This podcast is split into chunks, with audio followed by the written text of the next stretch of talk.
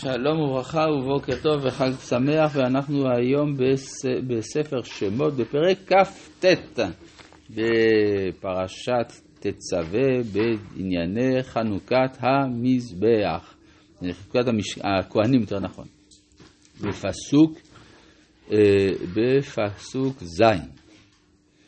כן, דיברנו, לא האמת היא שהגענו ל"ויקרבת את הפר", רק רציתי להגיד משהו לגבי שמן המשחה. למה יש בכלל צורך בשמן הזה? כלומר, מה השמן אומר?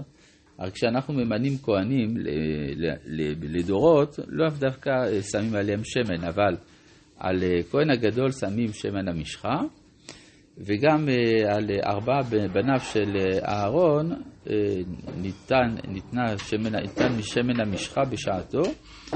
השמן מציין מה ש... שני דברים. א', מה שצף, כלומר השמן יותר קל מן המים, כך שכאשר אנחנו מערבבים שמן עם מים, אז השמן עולה וצף על גבי המים, כך כל מי שיש לו משרה אה, של כהן גדול או של מלך, אז הוא מורם מן העם, ולכן שמים עליו שמן.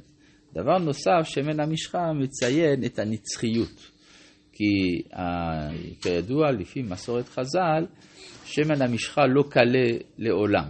אז זה גם, זה שני הדברים שמציינים את האופי המיוחד של הכהונה, ואנחנו ממשיכים בפסוק י' והקרבת את הפר לפני אוהל מועד, אז הפר לפני אוהל מועד הכוונה בחצר, ושמח אהרון ובניו את ידיהם על ראש הפר. עכשיו, איפה בחצר?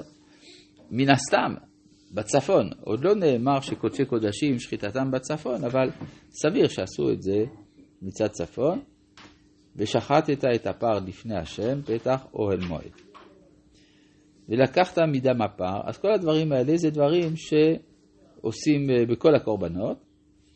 ולקחת מדם הפר ונתת על קרנות המזבח באצבע, באצבעיך ואת כל אדם תשפוך על יסוד המזבח. פה יש משהו מיוחד.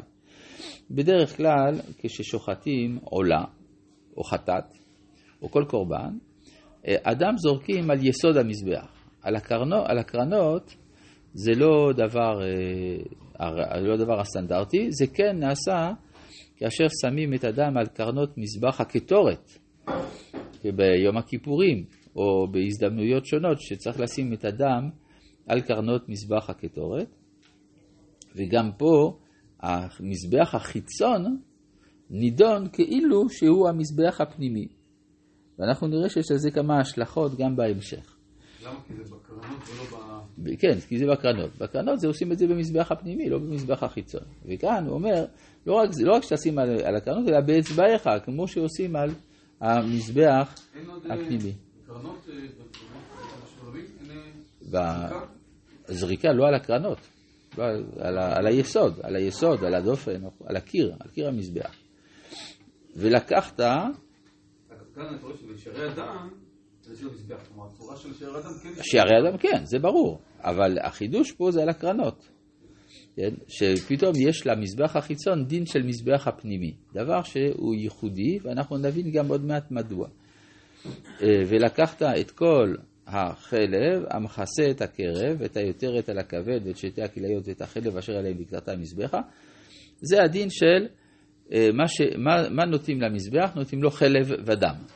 זו גם הסיבה, כתוב בספר ויקרא, שמדוע אסור לאכול חלב ודם. חלב זה לשם, כל חלב לשם. וגם הדם, שהוא הנפש, אז הוא צריך להיות על גבי המזבח. זה שייך לקדוש ברוך הוא כביכול. וכל השאר אז אפשר או לכהנים או למזבח וכדומה. למה לא כל החלקים הפנימיים? לא, החלב זה החלק הש... השמן ביותר. אז זה נחשב למשובח, לפחות לפי המושגים של אה, ימי קדם, מה שיש בו יותר שומן, הוא יותר שומן, מה שיותר שומני הוא יותר משובח, ולכן הוא לשם. אגב, על כל כזית חלב חייבים כרת, כל כזית. כן. ואת בשר הפר, ואת עורו, ואת פרשו, תשרוף באש מחוץ למחנה, חטאת הוא. אז כאן יש פה משהו מאוד מיוחד, במקום להקריב את הבשר של הפר על גבי המזבח, שורפים אותו בחוץ. וגם עורו, שבדרך כלל העור של העולות למשל הוא לכהן. פה העור נשרף.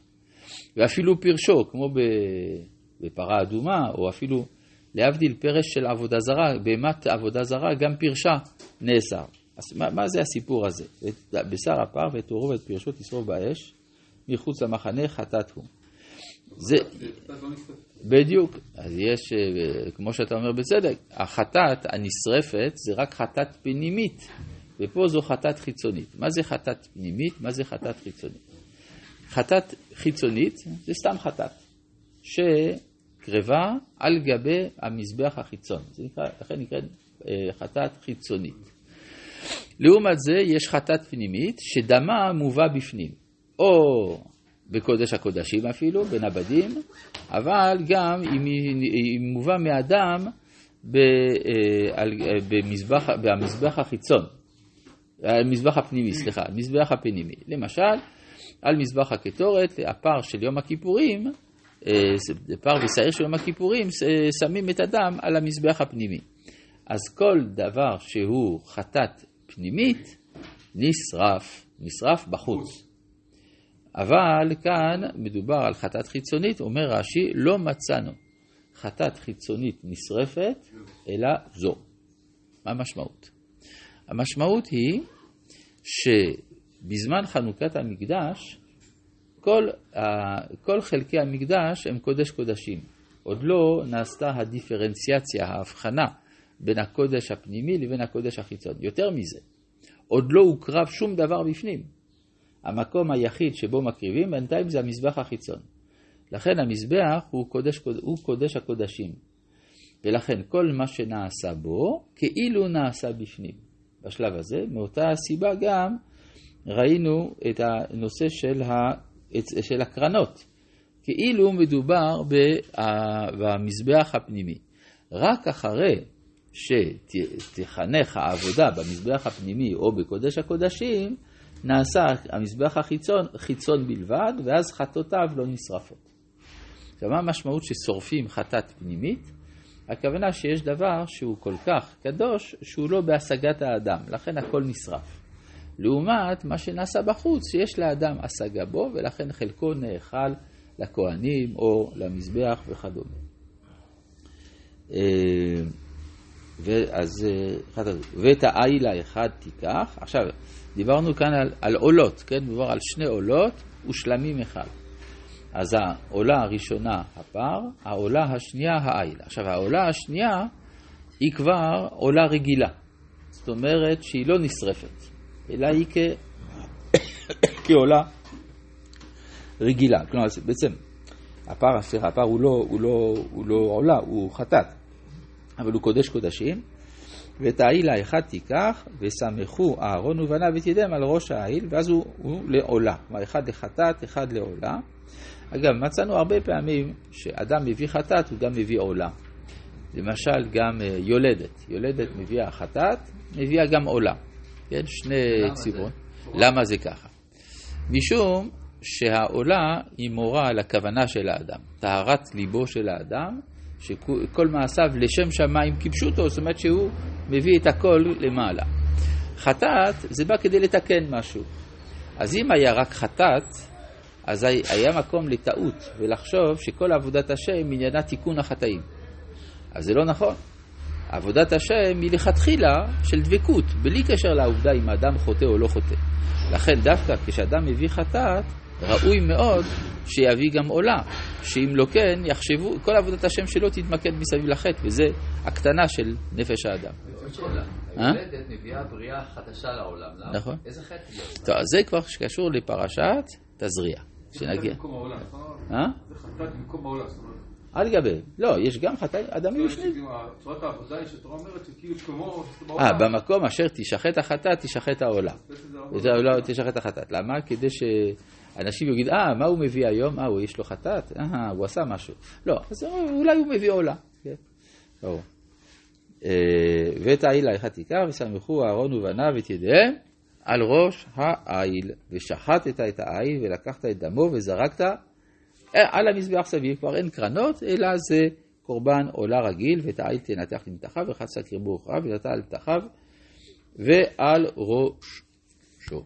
רבי חנניה